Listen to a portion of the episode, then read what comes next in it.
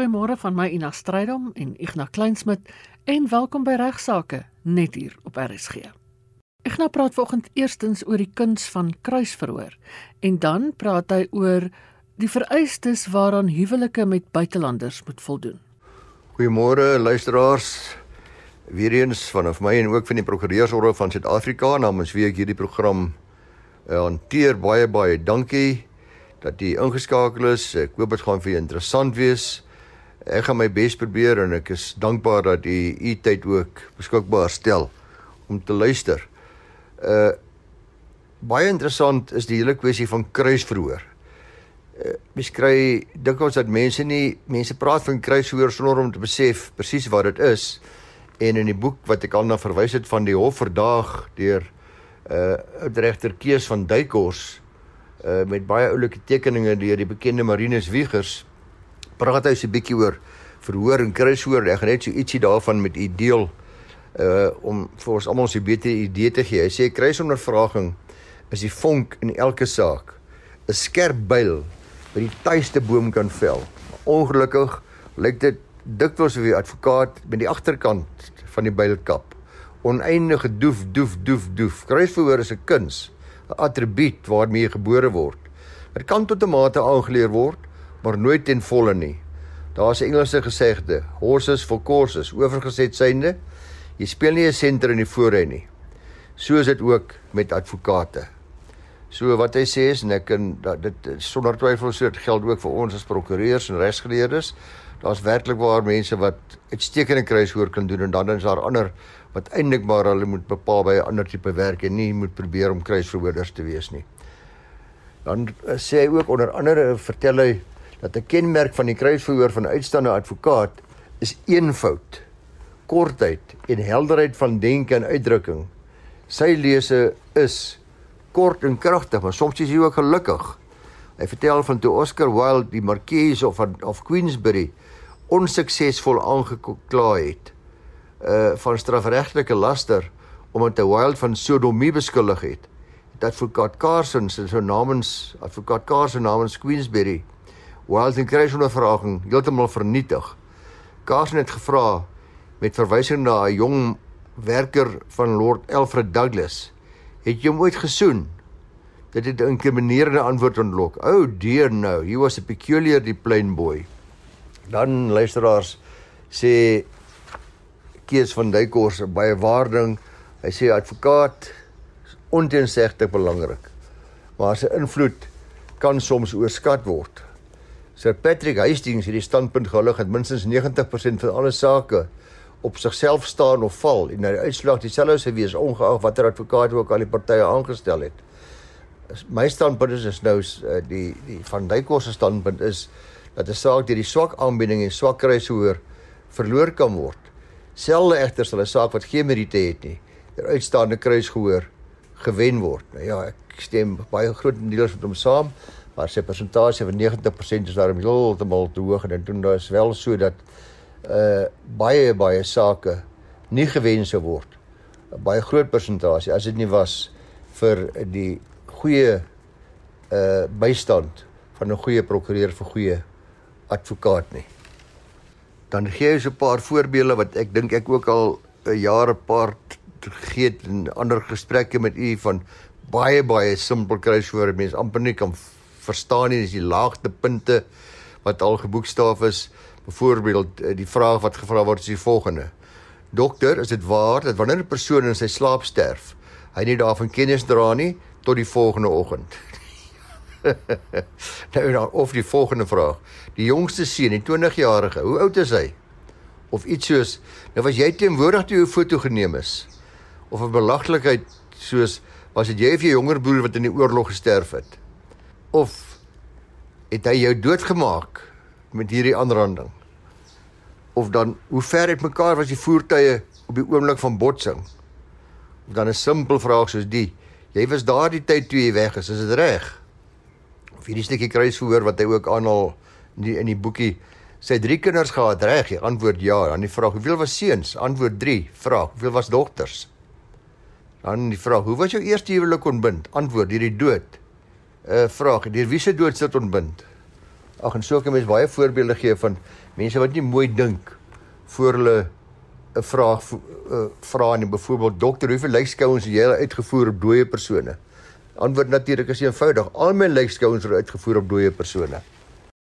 Luisteraars, na aanleiding van die gesprekke wat ek met die Almarie gehad het, die oor uh, die familiereg het ons 'n hele klompie vrae gekry, maar nogal belangrike paar vrae oor huwelike met buitelanders of huwelike in die buiteland.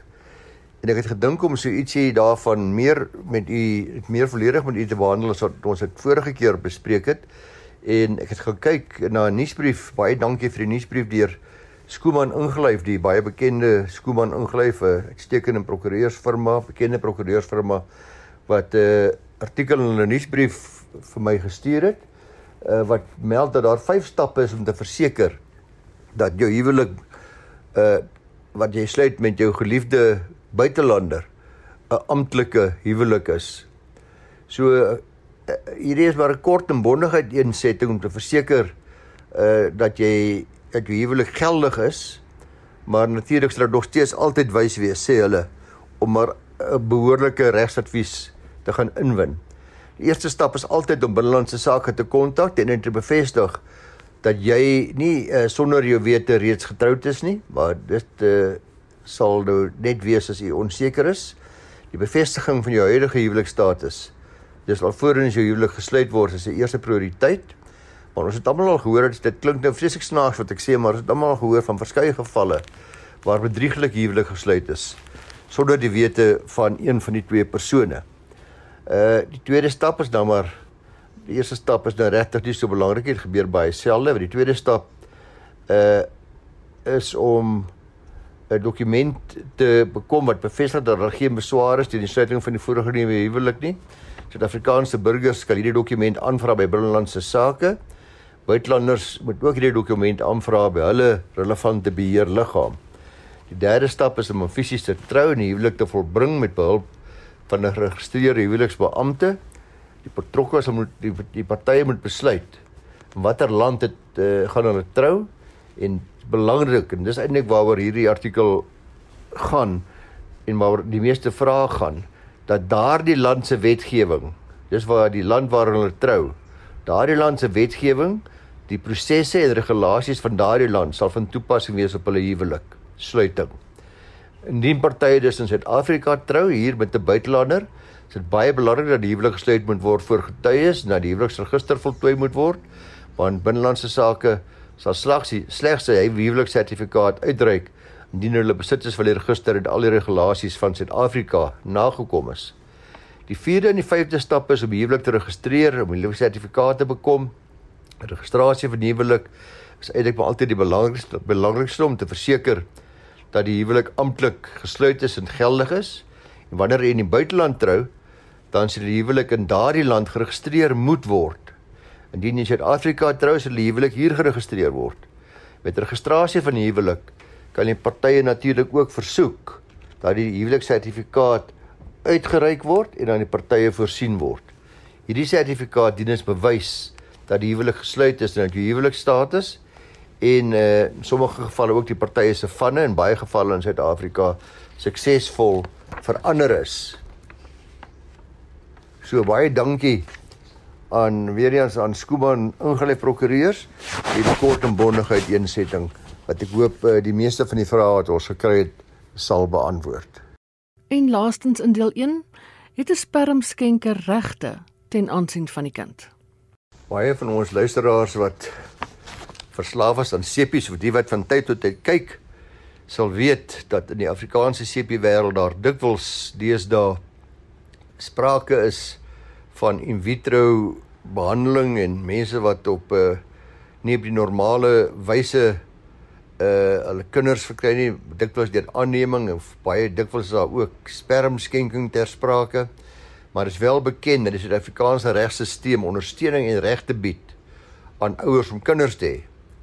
Uh elke individu die reg en bevoegdheid om kinders groot te maak wat gebore is uh, natuurlik van 'n twee biologiese ouers in normale situasie En dit het ook die bevoegdheid om kinders aan te neem of om gebruik te maak van kunsmatige inseminasie of dan ook 'n ander belangrike ding 'n uh, aspek wat ook toeneem glo ek is surrogaatmoeders. Nou kunsmatige inseminasie en surrogaatskap word deur wetgewing gereguleer en word gedoen by wyse van ooreenkoms tussen die voornemende ouer en die skenker of die surrogaat. Nou ek het vir uh, Elmarie die Rigter by van Velden Duffy gevra om 'n bietjie vir ons meer te sê oor die vraag het my spermskenker regte teen aansien van my kind? Want in die oë van ons reg word die spermskenker of surrogaat bloot gesien as die skenker, niks meer as dit nie. En word daar geen ouerlike regte of verpligtinge aan hom of haar toegeken nie. Uh dit, dit sê sp word spesifiek ook in artikel 40 van die Kinderwet gehanteer. Dit word ook pertinent so ooreengekom in die skenkingsooreenkoms of die surrogaat ooreenkomste. Daar's ook 'n baie belangrike saak wat met hierdie aangeleentheid handel want die vraag kan nou ontstaan kan spermskenkers steeds regtheid en aansien van die kind bekom nie teenstaande hierdie duidelike uh bepalinge in artikel 40 van die Kinderwet.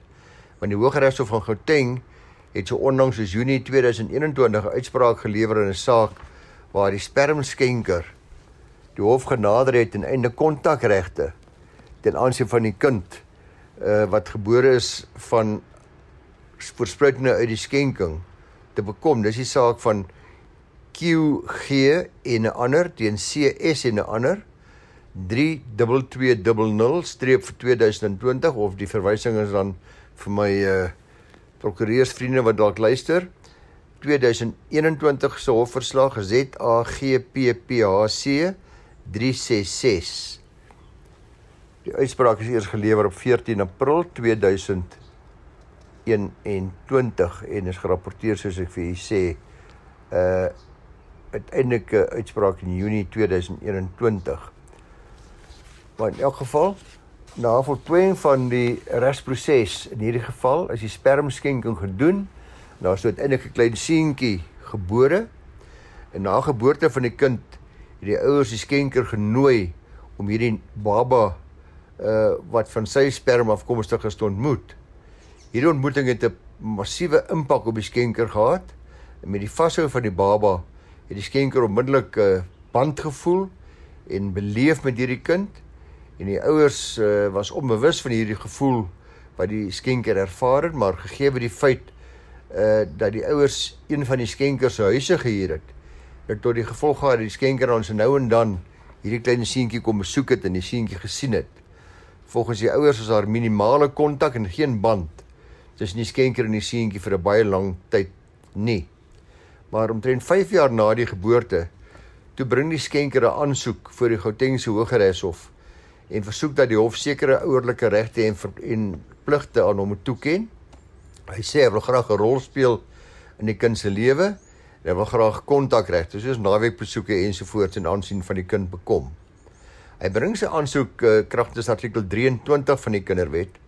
Hierdie artikel bevestig dat enige persoon wat 'n belang in 'n kind se lewe het, kan 'n aansoek bring om sekere ouerlike regte en of kontakte te verkry. Ons het al hier gepraat van oumas en oupas en uh ag ander mense wat 'n uh, wat 'n belang in die kind se lewe het en wat dan ook 'n deel van die kind se lewe wil wees. En die hof aanvaar dat die aansoek op hierdie terme gebring word, maar die hof wys uit dat die verhouding tussen die kind en die skenker by hierdie artikel die oorwegende faktore gaan wees. Aangesien die skenker nie outomaties ouerlike regte en verpligtinge het nie. Hy was bloot 'n skenker. Nou ons almal natuurlik, ek dink meeste van die wat luister se eerste reaksie is dat daar dan ook 'n kontrak is wat bevestig dat die skenker geen ouerlike regte en verpligtinge het nie. Want wanneer 'n sperm skenk en ook by die surrogaatskap is daar kontrakte wat in sekere vereistes moet voldoen en een daarvan is hierdie een van geen regte nie. Uh ouerlike regte en verpligtinge nie. Nou hoe kan die hof dan nou skielik hierdie aansoek oorweeg? Uh poog die skenker dan nie maar net nou hierdeur om kontrakbreuk te pleeg nie. Die hof het uh, dit ook na hierdie uh, vraag gekyk en geantwoord en gesê dat die kontrak uh nie die hof se bevoegdheid om die saak te ondersoek oorskry nie. Hierdie saak gaan oor 'n kind se beste belang. Uh en dit kan nie bloot geïgnoreer word omrede die, die ouers en die skenker uh kragtens die wet volgens die kontrak geen kontak met die kinders toelaat nie en daarom het die hof hierdie aansoek wel aangehoor en nie bloot net sommer net geweier om enigstens daarna te luister of net bloot van die hand gewys nie. Nou na deeglike ondersoek uh, met betrekking tot hierdie spesifieke feite en die band tussen die skenker en die kind, het die hof bevind dat die band wat die skenker ervaar tussen hom en die kind bloot 'n eensydige band is. Die kind uh, het waarskynlik nie ook hierdie koneksie of hierdie uh, band met die skenker nie. Uh in elk geval daar sê die hof uh het die gaan die hof die aansoek van die hand wys en nie vir die skenker kontrak reg te gee in terme van uh artikel 23 van die wet nie. Nou ons weet baie goed dat elke saak uniek is luisteraars en elke saak 'n ander uitkoms bring. Indien daar wel uh, dalk 'n band al reeds tussen die skenker en die kind was, dan sou die uitspraak heel moontlik anders gelyk het. Sy hof moontlik kontakregte toegestaan het. Uh elkeen van ons het dalk ons eie menings hieroor. Sommige persone is ten gunste van kontakregte deur skenkers of deur surrogaatouers en kinders. Ander persone voel weer daar moet geen kontak wees nie. Dieselfde geld ook natuurlik by aannemings. Ons voorsien wel dat daar nog vele sake soos hierdie voor die hof gaan dien. En is hierdie moontlike beginsel in ons familiereg wat nog in die volgende paar jaar baie gaan ontwikkel en en uh, as ons as ek gespaar bly, sal ek dit ook met u deel. Mag mens toegang weier tot jou eiendom vir die mense, kontrakteurs, beamptes wat elektrisiteitsmeters lees? Die baie bekende prokureursfirma daar van Pretoria en uh, naamlik VDT, destyds bekend is van die Merwe de Tooi stuur gereeld 'n nuusbrief vir my. Baie dankie daarvoor, maar ek steek 'n artikel daarin. En een wat my aandag getrek het wat ek dink nogal vir ons almal van belang kan wees is die vraag: Mag ek toegang tot my eiendom vir elektrisiteitsmeterlesings weier? Daar het skrywe ontvang van 'n kliënt wat gevra het. Hy sê hy besit tans 'n residensiële eiendom en dan kry hy besoeke van werknemers van die plaaslike uh staatsverskaffer of die stadsraad wat toegang tot die eiendom versoek om nou 'n lesing te wil neem. Gewoonlik is dit kontrakteurs. Dis dikwels is die tyd nie vir hom gerieflik nie of uh, net my hy vra is sy vraag is mag hy hulle toegang weier. Nou die veiligheid van 'n mens se eiendom en familie is belangrik.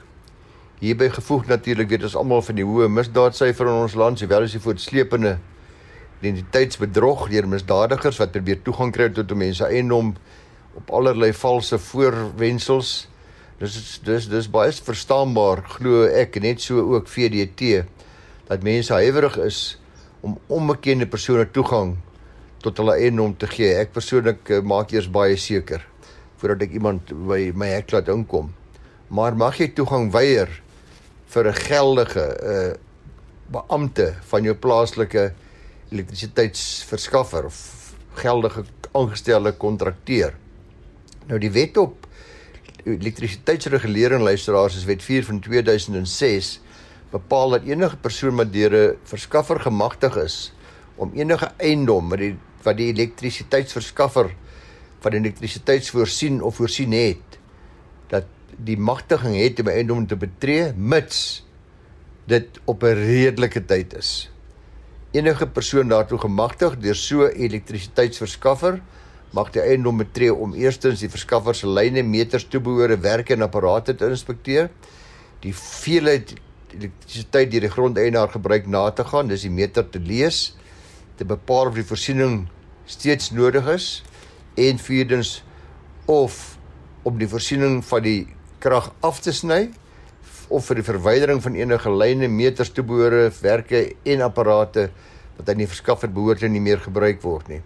So die wet gaan verder om uiteen te sit dat enige persoon daartoe gemagtig deur so elektrisiteitsverskaffer wat die eiendom wil betree vir die doeleindes wat ek nou reeds vir julle uiteengesit het, sal indien dit moontlik is redings by die eienaar van die eiendom of die huurder moet tref om die eiendom te besoek, maar ons weet almal dit gebeur nie maklik nie en dit is ook waarskynlik nie altyd moontlik nie en die persoon sal dan enige redelike veiligheidsmaatreëls soos vereis deur die eienaar van die eiendom of sy huurder moet nakom. So die gemagtigde persoon moet ook sy magtiging op versoek van die eienaar van die eiendom of sy huurder wys voordat die eiendom betree kan word.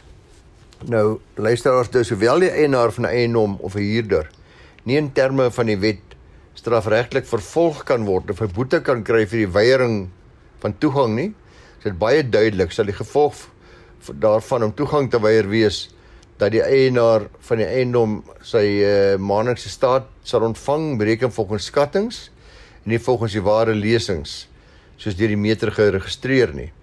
Dit kan weer bydra dat uh, daar foutiewe beramings gedoen word, sy beurt oor of onder fakturering sal veroorsaak uh en 'n klomp ander probleme.